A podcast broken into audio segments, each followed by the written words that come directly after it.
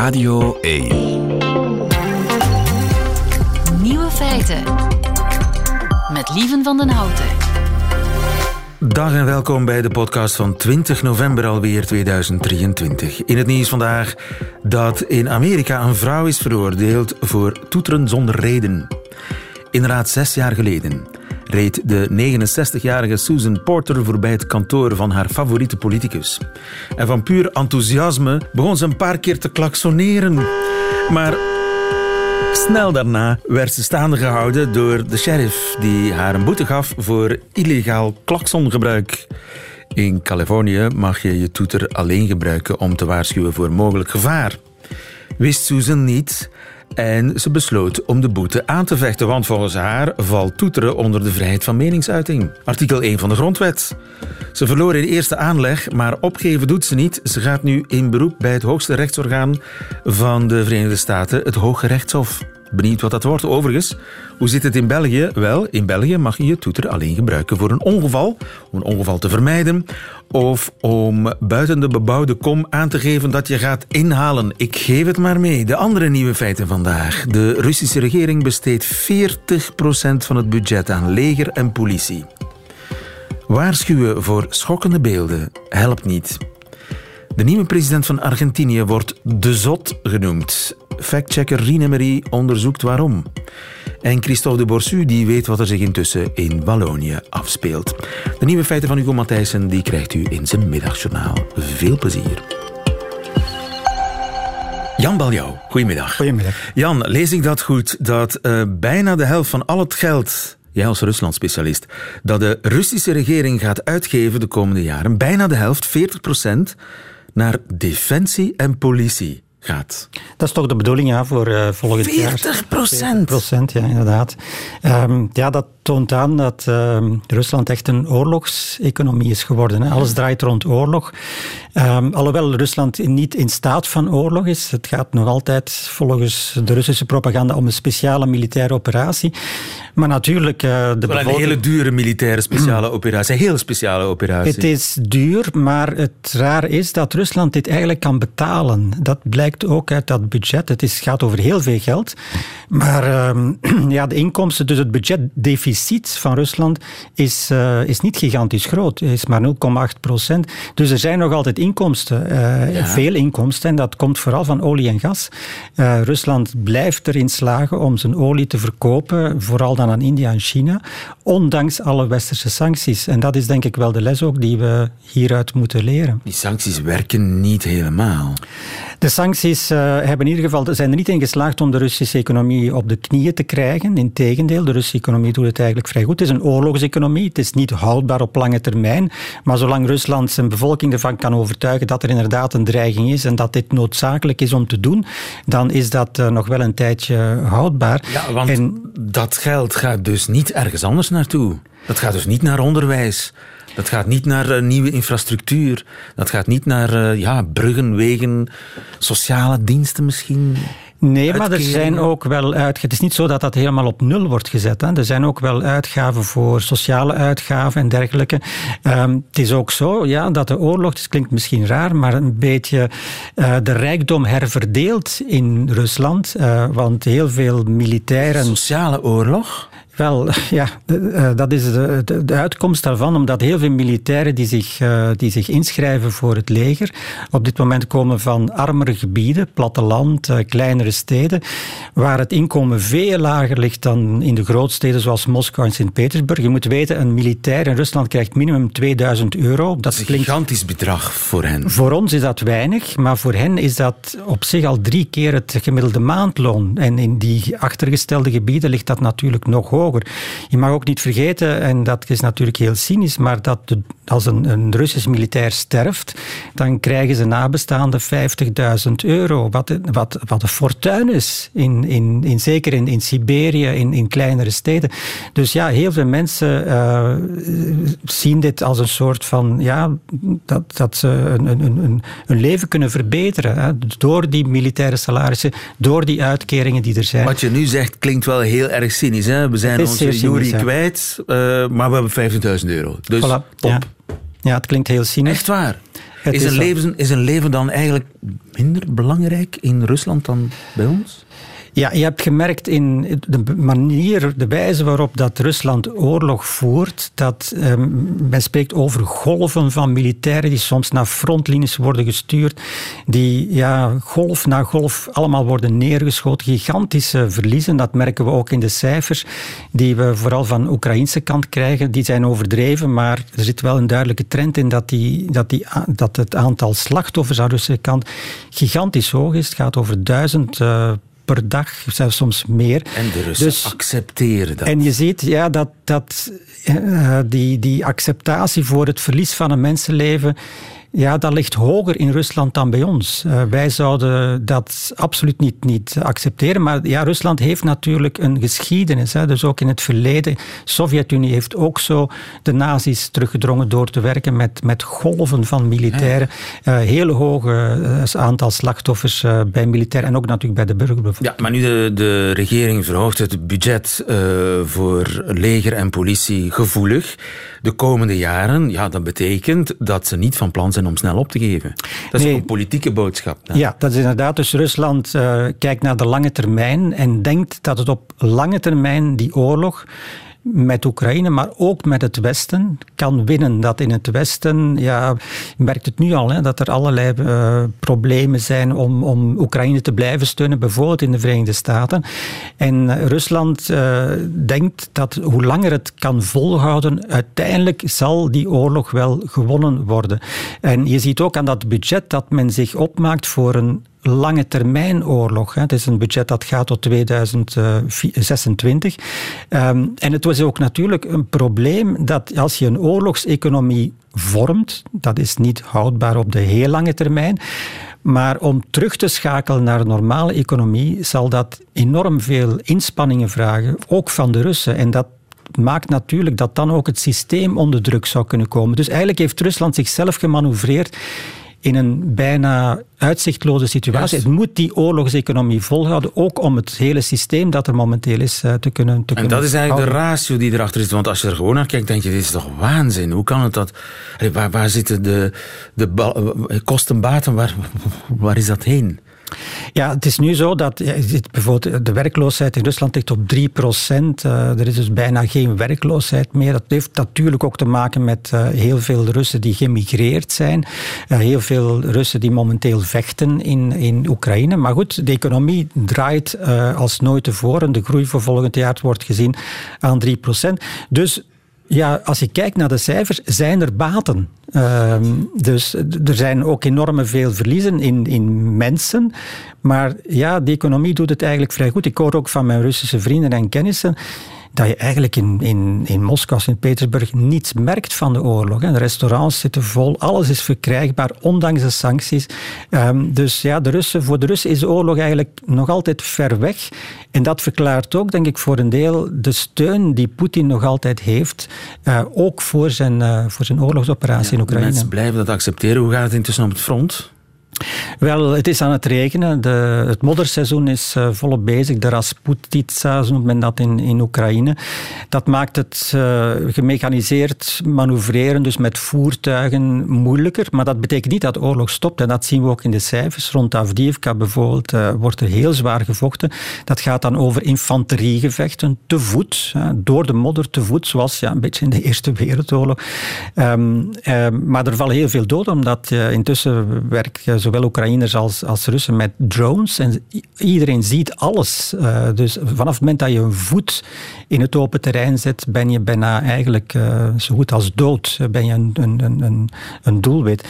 Um, Oekraïne heeft het lastig in het oosten. In het zuiden probeert het nog hier en daar wat offensieve operaties op te zetten. En vooral op de linkeroever van de Dnieper, um, de andere oever van Gerson, daar hebben de Oekraïners afgelopen dagen wel wat vooruitgang geboekt. Het is niet de bedoeling, denk ik, om daar door te breken, maar om de Russische linies zo ver mogelijk terug te drijven, zodanig dat Gerson minder gemakkelijk kan beschoten worden. Want dat, ja, die stad wordt uh, door artillerie bijna dagelijks beschoten en daar vallen dagelijks doden. Ja, en dat kan nog wel een tijdje doorgaan, begrijp ik. Zeker. Jan Baljouw, dankjewel. Goedemiddag. Nieuwe feiten. Coucou, de Namur. Met Christophe de Borsu. Hoe zou het intussen in Namen zijn en in de rest van Wallonië? Als er iemand is die het weet, is het Christophe de Borsu. Goedemiddag, Christophe. Goedemiddag, lieven. Koekoe uit Namen, de hoofdstad van Wallonië. Ik begin, lieven, met een bekentenis. Ik ben zwaar ontgoocheld in mezelf, ja, aan de rand van de depressie op beroepsvlak. De twee belangrijkste Waalse politici hebben de openbare omroep RTBF gekozen om samen voor het eerst te debatteren en niet hun huidige zender RTL. Ja, ja, maar eerst een vraag, lieven. Over wie gaat het? Opgelet, de twee fragmentjes zijn heel kort. Bonsoir. Bonsoir. Um, Aha. Kain en Abel. Allee, Een tweede keer dan? het is uh, Paul Magnet en uh, Georges-Louis Boucher. Perfect. Fantastisch goed geraden. Paul Magnet, voorzitter van de PS, Georges-Louis Boucher, voorzitter van de MR. Hun twee partijen zitten samen in de federale, maar ook in de Waalse regering. En het was echt niet te horen tijdens het debat. Pour le reste, quand vous dites, c'est pas une question de moyens, mais allez parler avec des magistrats, je allez demander à des magistrats. Je l'ai fait cet pas... après-midi avec des magistrats. Est-ce qu'il est possible, Monsieur Boucher, de faire une réponse sans que vous m'interrompiez oui, Je sais oui. que vous pensez que seule votre parole a de la valeur, mais en démocratie, vous devez accepter que d'autres aient une autre opinion et puissent l'exprimer calmement sans être tout le temps coupé. Oei, oei, oei. U kunt wel denken dat alleen uw mening waarde heeft, maar in een democratie moet u accepteren dat anderen ook een mening hebben en die rustig zouden moeten kunnen uiten zonder constant onderbroken te worden, zijn Magnet en uh, Boucher. Het gaat goed tussen die twee. Zou er Ah, ja, nog, ja, ja. Gaan ze nog samen in een regering zitten, denk je? Uh, wel, uh, lieven, ik denk het uh, niet op grond van het antwoord van Paul Magnet. Hier is hem. Je le dis clairement, je veux, un, faire en sorte de faire un gouvernement sans la NVA, tout faire pour qu'on puisse éviter la NVA, et je veux, deux, si possible, pouvoir faire un gouvernement sans le MR. Oké. Okay. Ja, si possible. si possible. Als het mogelijk is. Voilà. Ja, een liefde regering zonder NVA en zonder de MR. Absoluut. En voor Georges Boucher is het ongeveer hetzelfde antwoord. Ja, als het mogelijk is, zonder de PS. C'est euh, finalement le vote des électeurs qui doit décider. Mais moi, où je suis d'accord avec M. Magnette, c'est que je pense qu'il est plus sain d'avoir des gouvernements qui sont plus homogènes sur le plan philosophique pour justement éviter le blocage. Ja, we moeten dus de blokkering vermijden en ja. regeringen vormen die filosofisch homogeen zijn. Dus ja, misschien wel met de NVA. Misschien de NVA, zegt Boucher. We zullen zien. Hè. Ja. Voilà. Nu, uh, in Vlaanderen, uh, de voorbije week was het kon er hier, kon er daar, kon er overal. Uh, hoe zat dat in Wallonië?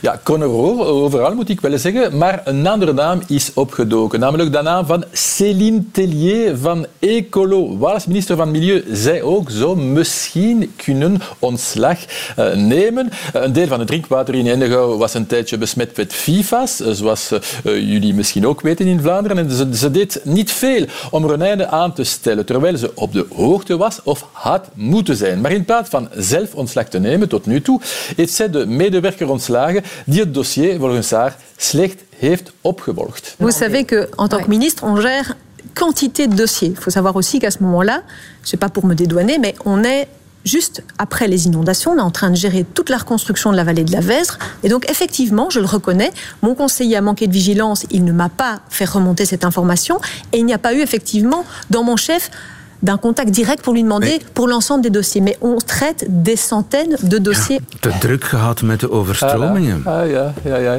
ja, een beetje gemakkelijk natuurlijk. Maar ja, zij blijft nu uh, op post. Uh, in tegenstelling tot Connor, inderdaad. Over de, de inhoud, namelijk uh, over het drinkwater, de kwaliteit van het drinkwater in Wallonië. Geen paniek. Hè. Het is overal zuiver bij ons op een probleempje in Ronquière, Henegouwen na. Maar het komt snel goed. Ja, lieve België blijft dus een land vol verrassingen, zelfs in de supermarkt. Laat ons twee vestigingen van Colruyt onder de loep nemen. Eén in Waterloo, Waals-Brabant. Één in Mechelen, provincie Antwerpen. 40 kilometer tussen de twee. Wat zijn volgens jou de prijzen, de goedkoopste prijzen? Mechelen of Waterloo?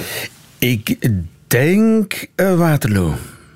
Ah, wel? Nee, absoluut niet, lief. Nee, nee, RTL heeft negen prijzen vergeleken bij de Colruyt, dus van Waterloo en bij die van Mechelen. Mechelen is echt goedkoper. On a fait exactement les mêmes courses. Si vous voulez des différences de tarifs, je vous donne une de mes préférées. Sur ce dentifrice sans sodine, donc on a acheté le même packaging des deux côtés. Eh bien, du côté francophone, j'ai payé 8 euros. Du côté flamand, on a payé 5,98 euros. Il y a plus de 2 euros de différence. Oké, okay, een tube ja. tandpasta kost dus bijna 3 euro meer in Wallonië dan in, in ja, Vlaanderen. Ja, Dat klopt absoluut. Op negen producten 20% verschil ten voordele van Vlaanderen. De Vlaamse prijzen zijn lager door het feit dat Albert Heijn of Jumbo winkels hebben in Vlaanderen en niet in Wallonië. De, de vestiging van Colruyt en van andere winkels moeten zich daaraan aanpassen natuurlijk en hun prijzen lager zetten. We zitten dus met een, de zoveelste contradictie in dit land. Hè? De rijkste Belgen, namelijk de Vlamingen, betalen minder in de supermarkt dan de minder rijke Belgen, namelijk wij Walen. Je vraagt je natuurlijk lieven af... Ja, waarom, komen die Walen niet shoppen bij ons? Tuurlijk. Ah, wel, hier is het antwoord. Dat is een luikse mevrouw die dat zegt. Est-ce que vous iriez faire vos courses en Flandre maintenant que vous savez que c'est moins cher? Non. Pourquoi? Non, bah, la langue, je préfère aller en France, où là, bah, on est. Plus loin Mais c'est pas grave. C'est la langue. C'est la langue, oui. Oké. Oui, De- se faire comprendre là-bas, c'est compliqué. eh, ze kan zich niet verstaanbaar maken bij ons. Ja, Tongeren is op 15 kilometer van Luik, maar blijkbaar is het een brug te van een taalgrens te ver. Inderdaad, het zoveelste taalprobleem.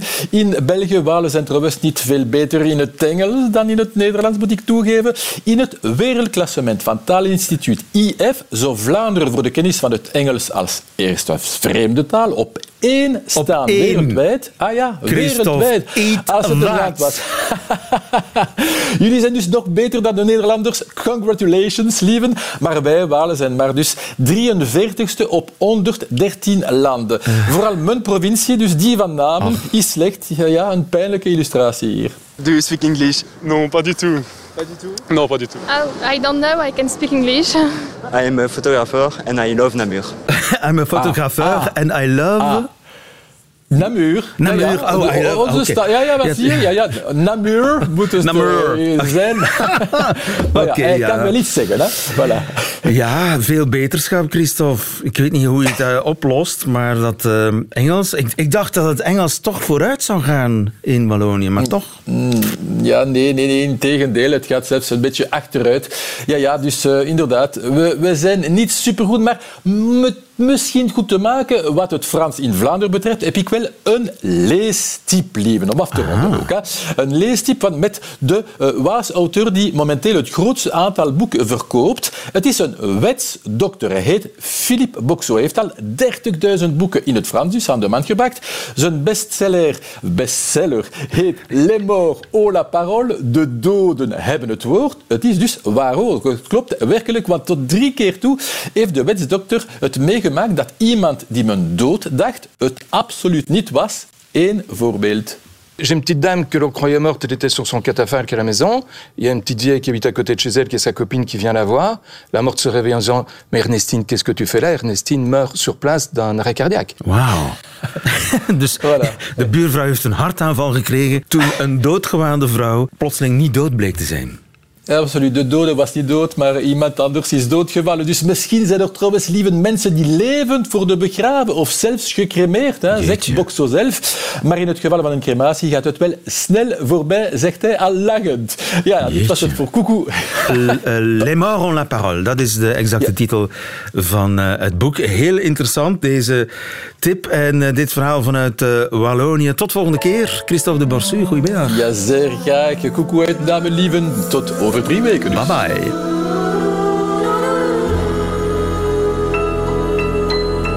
Nieuwe feiten. En dan moet ik u nu helaas waarschuwen voor een schokkende mededeling.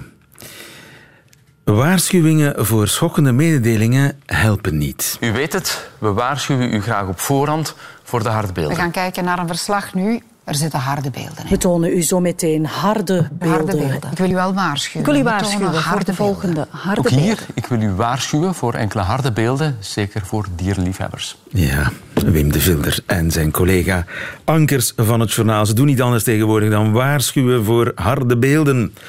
Tom Bekkers, goedemiddag. Dag, lieven.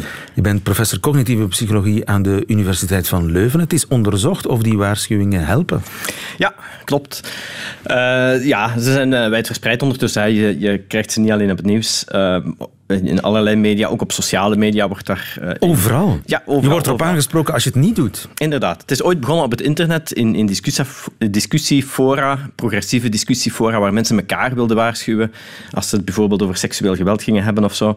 En zo is dat dan uiteindelijk verspreid en verspreid naar nieuwsites, maar bijvoorbeeld ook eh, Disney Plus, die eh, tegenwoordig een slide toevoegen als ze afleveringen van The Muppet Show of, of The Aristocats gaan uitzenden.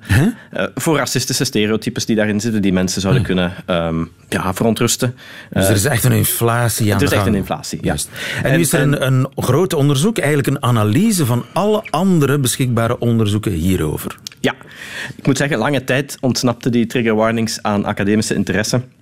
Totdat ze ook de Amerikaanse campussen bereikten. En toen, eh, als, als academici ergens last van krijgen, ja, dan beginnen ze er onderzoek naar te Wacht doen. eens even, hoor ik je nu zeggen dat bepaalde professoren hun studenten vooraf moesten waarschuwen? Wat ik nu ga zeggen kan eventueel chockerend zijn. Oh ja, ja, ja, vandaag de dag kan je als docent in de Verenigde Staten in je cursus geen enkel gevoelig thema meer aanraken zonder een uitvoerige content warning in je syllabus en aan het begin van het college waarin je mogelijk gevoelige inhoud aan bod zou laten komen. Dus in de trant van vandaag gaan we het hebben over homofobie. Mogelijk zou dit thema omwille van je lived experience gevoelig kunnen zijn. Als je nood hebt aan support, dan kan je die hier en daar krijgen. Als je dit college liever eh, niet bijwoont, dan kunnen we misschien een vervangopdracht, et cetera, et cetera. En dat kadert in een, in een bredere trend hè, en een Moet jij dat al doen, discussie. Tom? Nee, ik hoef dat niet te doen. In Vlaanderen eh, is het nog niet aangekomen voorlopig. Eh, maar ja, als het, als het druppelt, als het regent in de VS, dan kan het soms hier ook beginnen druppelen. Maar voorlopig hebben we daar hier geen last van. Maar in, Ameri- in, in Amerika is het echt een ding geworden. Ja, en vandaar dus dat het gaan En vandaar dat er nu ook onderzoek naar ehm, gedaan wordt. Sinds een paar jaar nog maar. De eerste onderzoeken zijn in 2018 gepubliceerd. Naar de zin en de onzin. Maar misschien liever naar, naar het nut of het gebrek aan nut Ja, van die trigger warnings. Want wat is de bedoeling? De bedoeling is dat bepaalde mensen die dan gevoelig zijn door een trauma bijvoorbeeld, dat die alsnog kunnen wegsappen of wegkijken. Wel, ja, de, er zijn, eh, de, de auteurs hebben onderzoek hebben, hebben aan, aan de hand van, van een overzicht van al het onderzoek dat er tot vandaag eh, gedaan is, eigenlijk twee vragen proberen te antwoorden. Het eerste is inderdaad, bereiken die trigger warnings hun doel? En, en die doelen, dat kunnen eigenlijk twee verschillende dingen zijn. Dat kan ofwel eh, als doel hebben om ervoor te zorgen dat mensen die bepaalde content eh, uit de weg zouden kunnen gaan. De confrontatie met beelden of informatie die pijnlijk of vervelend is, zouden kunnen vermijden. Of het zou ook kunnen dienen om te zorgen dat mensen zich daarop kunnen voorbereiden. Ze zetten zich schrap. Ja, zodat die informatie of die beelden minder sterk binnenkomen, minder Je bent gewaarschuwd. Ik wist dat het zou komen, dus ik, ik was erop voorbereid, dus het komt minder hard binnen. Nu, dat eerste doel, dat mensen het uit de weg zouden kunnen gaan, daarover kan je discussiëren of het überhaupt wenselijk is. Want moeten we alles wat pijnlijk of vervelend is wel uit de weg willen gaan? En het antwoord is vaak niet. Veelal is vermijding enkel een motor voor meer angst, meer spanning. Als we te maken hebben gekregen met pesterijen als kind, dan is het uit de weg gaan van alles wat ons daaraan zou kunnen doen terugdenken wellicht het beste recept om die wonden nooit te laten genezen. Dus als we onszelf identificeren... Je moet er doorheen. iemand- ja, eigenlijk moet je er doorheen. Als je jezelf gaat identificeren als iemand die daar kwetsbaar voor is, voor informatie, voor pesten, en je gedrag daarop afstemt, ja, dan hou je die kwetsbaarheid wellicht mee in stand. Als je er echt last van blijft hebben in ons dagelijks leven, ja, dan is het wellicht een beter idee om professionele hulp te gaan zoeken. Dat zet meer zoden aan de dijk dan krampachtig proberen om er vooral nooit meer aan terug te denken. Ja, maar kijken mensen ook weg? Sappen ze ook weg? Wel, dat is dus de vraag. Terug naar het onderzoek, terug naar die vraag. Doen die trigger warnings dan wat ze beogen? Helpen ze mensen om gevoelige informatie uit de weg te gaan? Eigenlijk niet. Zo blijkt uit dat onderzoek, uit dat overzicht van al het onderzoek dat er gebeurd is. If anything, maken die trigger warnings ons alleen maar nieuwsgierig. Dat heet dan het Pandora-effect. We hebben een soort ingebakken aversie voor Niet kijken, niet kijken, niet Ja. kijken. Ja, dat werkt niet. Better the devil you know. Ehm, we, gaan, we, gaan, we gaan net peilen wat dat onheil zou kunnen zijn. Dus een van de best opgezette studies die in die meta-analyse opgenomen was, eh, gaf deelnemers de keuze tussen krantenkoppen, ehm, krantenartikels die ze konden lezen en ze moesten dan kiezen op basis van de krantenkop. En bij sommige van die krantenkoppen stond een content warning en bij andere niet. En wat zie je? Mensen in grote meerderheid kiezen net voor die krantenkoppen waar een trigger warning bij staat. Dus als je met- heel cynisch bent, kun je denken, ja, die, die, die nieuwsagentschappen die zeggen dat gewoon om kijkers te lokken. Ja, dat is wellicht te cynisch. Ik denk dat ze het vooral doen onder druk van de publieke opinie. Je ziet het ook op Instagram tegenwoordig, eh, dat gevoelige foto's soms geblurred worden, waarbij je dan kan kiezen om erop te klikken om, om de inhoud te zien. Maar dezelfde auteurs van deze meta-analyse hebben zelf eerder al eens een studie gedaan om, om daar naar te kijken. En blijkt opnieuw, hè, de grote meerderheid van de mensen, als ze zo'n gebleurde foto zien, dan hebben ze net de neiging om te gaan, om te gaan klikken. Dan willen ze weten wat er op die foto zou staan. En if anything, bij uitstek mensen met eh, klachten van depressie of posttraumatische stressstoornis, die, die hebben die, die neiging nog sterker. En Dus dan ja, wat dat het, betreft werkt het niet. het tweede doel, namelijk mensen zetten zich schrap en zijn er dan sterker voor. Ja, dat zou je dan minder hopen dat het, dat het op die manier werkt. Ook dat blijkt niet waar. Dus als je dan gaat meten hoeveel spanning ehm, of hoeveel arousal vertonen mensen op nare beelden die al dan niet worden voorafgegaan door zo'n content warning, blijkt dat mensen net zoveel spanning ervaren, net, zoveel, dat net zo aversief ervaren eh, als ze een waarschuwing hebben gehad dan wanneer dat ze er niet, geen waarschuwing hebben gehad. Dus het blijft even vervelend om naar te kijken. Ja. Dus het lijkt niet te baten. Dan zou je nog kunnen zeggen, baat het niet, dan schaadt het ook niet. Ehm, je kan die trigger warnings toch geven, enkel en alleen maar uit respect eh, om, om mensen autonomie en controle te geven, ook al zetten ze verder geen zoden aan de dijk. Maar driewerf helaas, ze schaden wel. In die zin dat uit het verzamelde onderzoek blijkt dat die content warnings zelf aanleiding kunnen geven tot nogal wat eh, distress, was dat dan in het Engels heet, tot spanning en onbehagen. Dus als mensen een content warning lezen, dan lokt die content warning zelf spanning, anticipatieangst uit. Wat bijvoorbeeld bij mensen met een geschiedenis van trauma zou kunnen betekenen dat ze een hele week on edge gaan zijn in aanloop naar een college waar het over trauma zal gaan.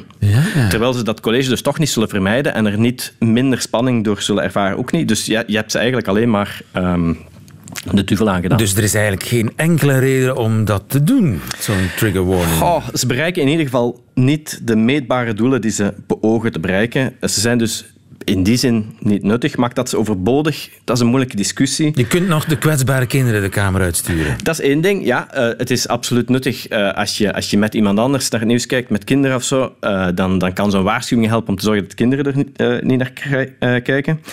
Het kan ook een manier zijn om wel ehm, respect voor slachtoffers te communiceren. Ehm, en, en mensen een gevoel te geven van controle en autonomie, ook al is dat dan in zekere mate een schijncontrole en een schijnautonomie. Ehm, ik denk minstens zouden docenten, journalisten, alle andere mensen die iets met media doen, zich bewust moeten zijn van de beperkingen en de nadelen van trigger warnings Ja, en en, misschien en er bedachtzaam mee omgaan. Bedachtzaam omgaan, maar misschien nog bedachtzamer zijn voor wat je uitzendt. Als je, Dat als je, als je vindt dat het idee. ergens om uit te zenden, zend Ja, het dan niet uit. Dan moet je het gewoon niet laten zien. Zo zit het. Dankjewel. Heel helder, Tom Bekkers. Tot de volgende. Met veel Goedemiddag. plezier daar. Nieuwe feiten. Radio 1. Argentinië heeft een nieuwe president. eh, Javier Milei won gisteren de verkiezingen, bijgenaamd El Loco. De zot. Maar hoe zot is hij eigenlijk?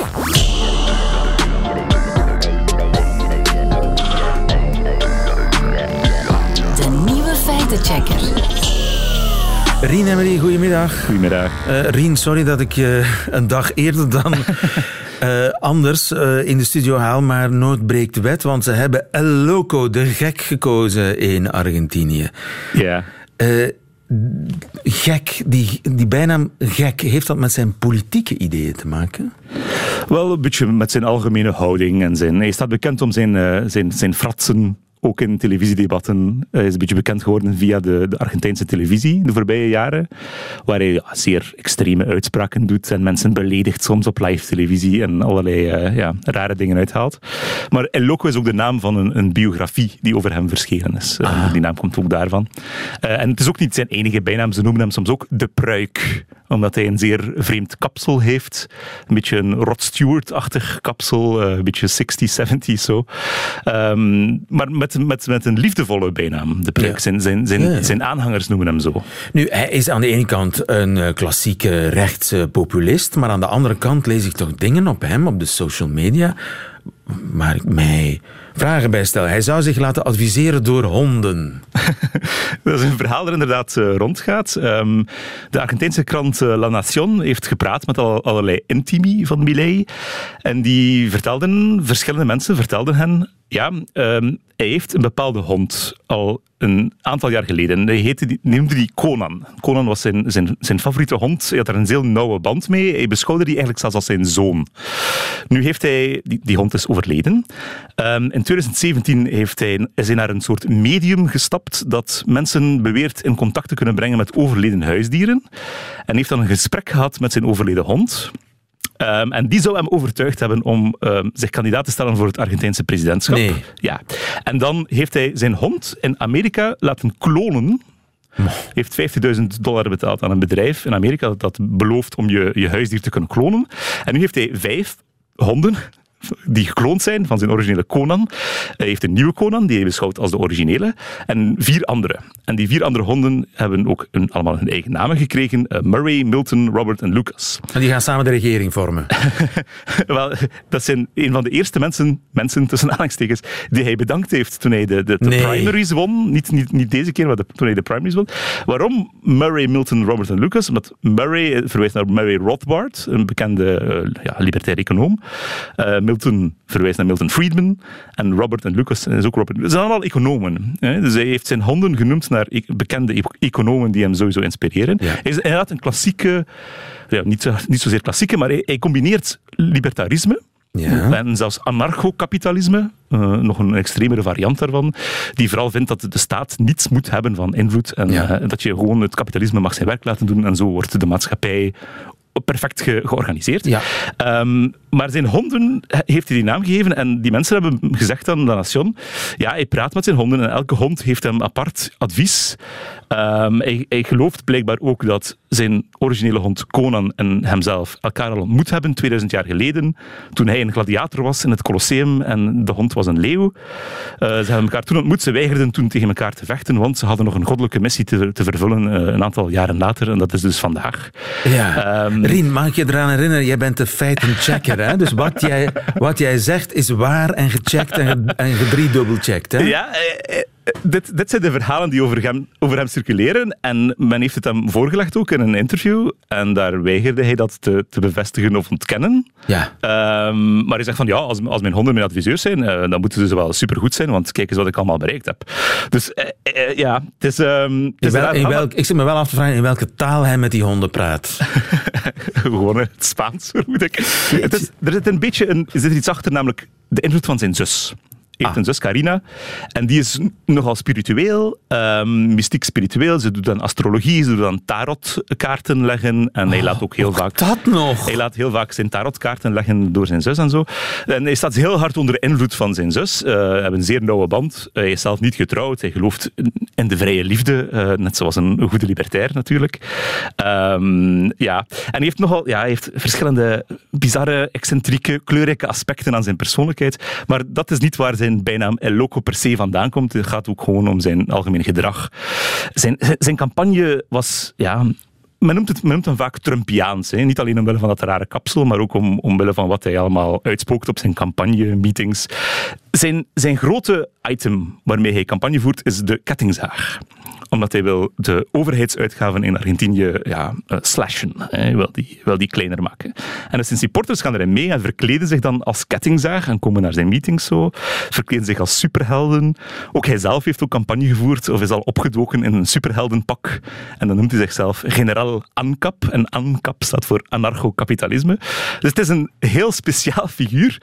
Ehm, en het valt nu nog te bezien in hoeverre hij zijn eh, ja, politieke theorieën en zijn excentrieke gedrag eh, zal temperen of eh, verder zetten als president van Argentinië. Ja, maar, maar dus dit hebben we nog nooit ergens anders gezien. Hè? Ik bedoel, we, we hebben Trump meegemaakt.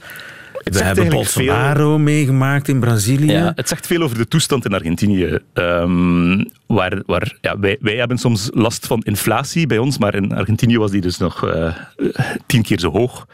Ehm, het gaat daar slecht. En Millet is een figuur die belooft van ik ga ja, alle corrupte politie buiten gooien, ik ga de overheidsuitgaven eh, decimeren, ik ga, we, gaan, we gaan de peso vervangen door de dollar, we gaan de nationale bank afschaffen.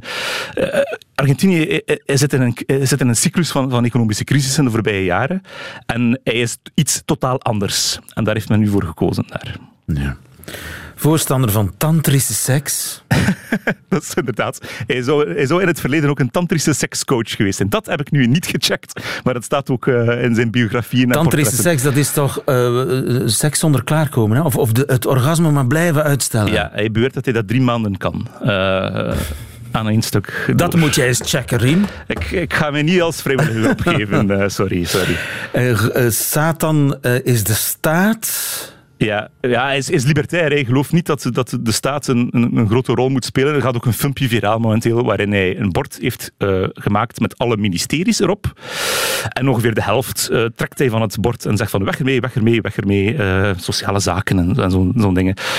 milieu en allerlei andere ministeries waar hij vindt van de staat hoeft hier niets over te zeggen te hebben. En ja. dat is een boodschap die aangeslagen heeft in, Argentinië. Dus, um, de, de, de, they're in for a bumpy ride daar. ze maken zich klaar. Weet, misschien wordt het een fantastisch succes. Uh, afspraak binnen een aantal jaar. Hè. Dat een is, fantastisch succes, denk je dat echt? Ik, ik, ik kan de dat is één iets wat factcheckers niet kunnen en dat is de toekomst ja. voorspellen.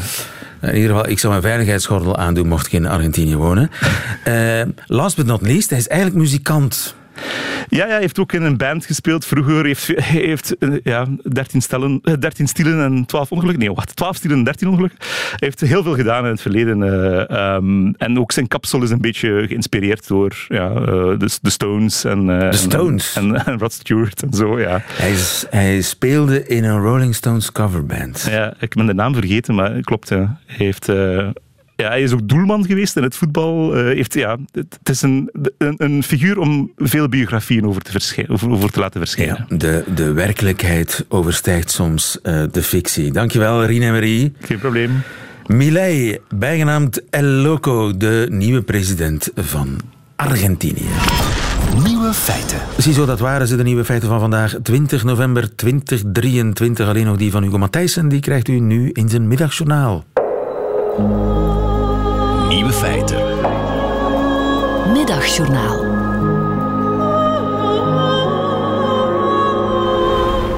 Twee dagen geleden kwam hij aan in Antwerpen met zijn indrukwekkende stoomboot, een schip dat ooit nog schaamteloos werd gekopieerd door de rederij Flandria.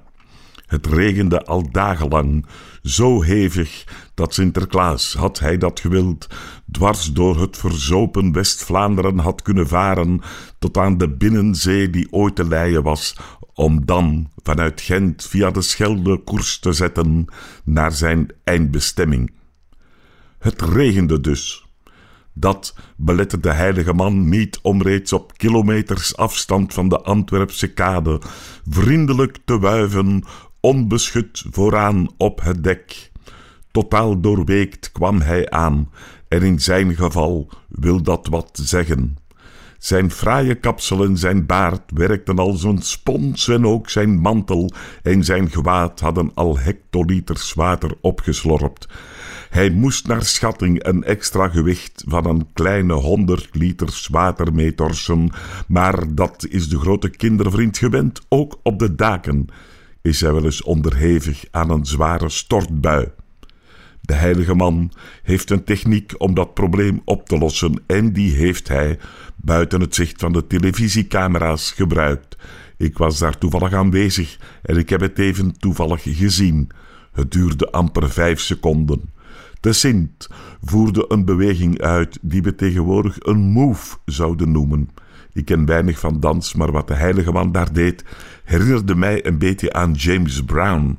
Hij maakte een snelle beweging met de voeten, schudde vinnig met de heupen en draaide daarbij om zijn as.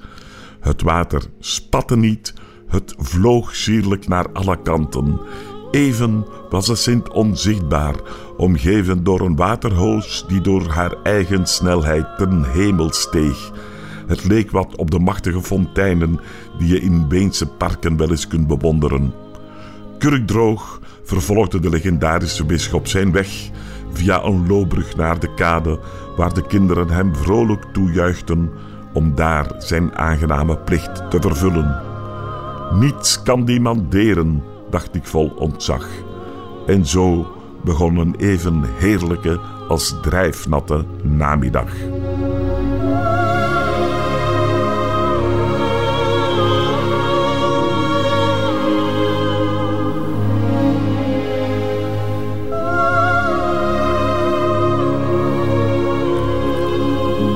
Het met Hugo Matthijssen en onthullingen over de Sint. Einde van deze podcast hoort u liever de volledige nieuwe feiten met de muziek erbij. Dat kan natuurlijk elke werkdag tussen 12 en 1 op Radio 1 live of uitgesteld via VRT Max. Tot een volgende keer.